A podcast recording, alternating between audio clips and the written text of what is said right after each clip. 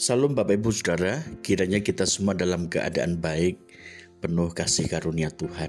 Mari kita berdoa.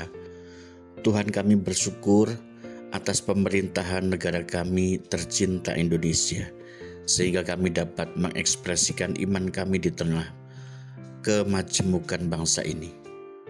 Kami bersyukur dalam nama Tuhan Yesus. Amin. Bacaan hari ini dari kitab Roma pasal 13 ayat 1 sampai 7. Secara khusus kita akan membaca ayat 1 sampai 3 berkata demikian. Tiap-tiap orang harus takluk kepada pemerintah yang di atasnya sebab tidak ada pemerintah yang tidak berasal dari Allah dan pemerintah-pemerintah yang ada ditetapkan oleh Allah. Sebab itu barang siapa melawan pemerintah yang melawan ketetapan Allah dan siapa yang melakukannya, ia akan mendatangkan hukuman atas dirinya. Sebab jika seorang berbuat baik, ia tidak usah takut kepada pemerintah, hanya jika ia berbuat jahat. Maukah kamu hidup tanpa takut terhadap pemerintah? Perbuatlah apa yang baik, dan kamu akan beroleh pujian daripadanya. Mendoakan pemerintah yang baik Situasi akhir-akhir ini, kepercayaan masyarakat kepada pemerintah cenderung menurun. Suhu politik mulai memanas walaupun pemilu masih satu tahun lagi. Berita-berita hoax mulai terdengar para pemimpin akan bertarung dalam Pilpres 24 nanti sudah mulai mencari panggung di tengah masyarakat berusaha merebut simpati pemilih. Nah, bagaimanakah tanggung jawab kita sebagai orang Kristen sekaligus warga negara yang baik, mendukung pemerintah yang baik. Paulus hari ini mengajarkan bagaimana hubungan umat Kristen dan pemerintah, khususnya seperti apakah pemerintah yang baik dan bagaimana orang Kristen harus bersikap terhadap pemerintahan tersebut. Pertama, pemerintah yang baik dibangun oleh dan berasal dari Tuhan sendiri, sehingga sumber nilai, hukum, ketetapan, dan berbagai kebijakan yang keluar dari pemerintah harus berasal dari Tuhan. Melawan pemerintah berarti berbuat kejahatan dan membuahkan hukuman.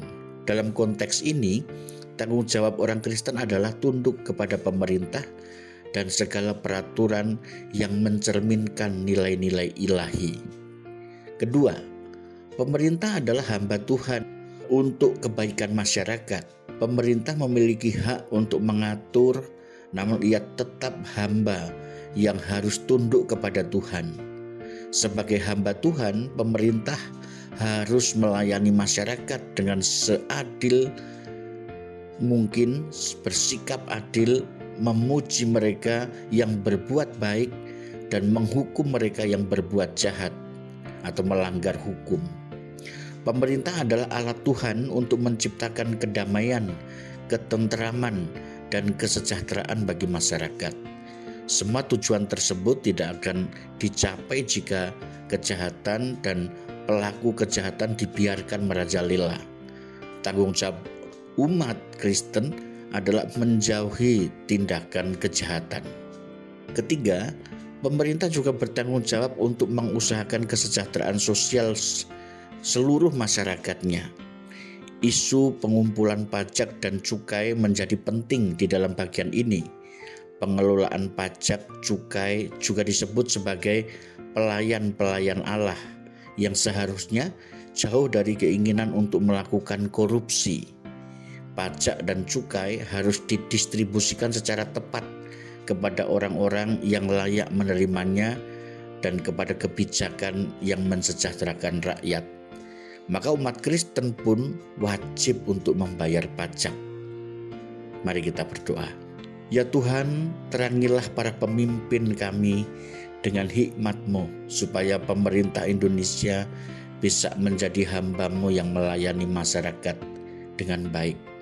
Tolonglah kami menjadi warga negara yang baik dan bertanggung jawab dengan tidak melanggar hukum, bahkan terlibat di dalam pembangunan. Dalam nama Tuhan Yesus kami memohon. Amin.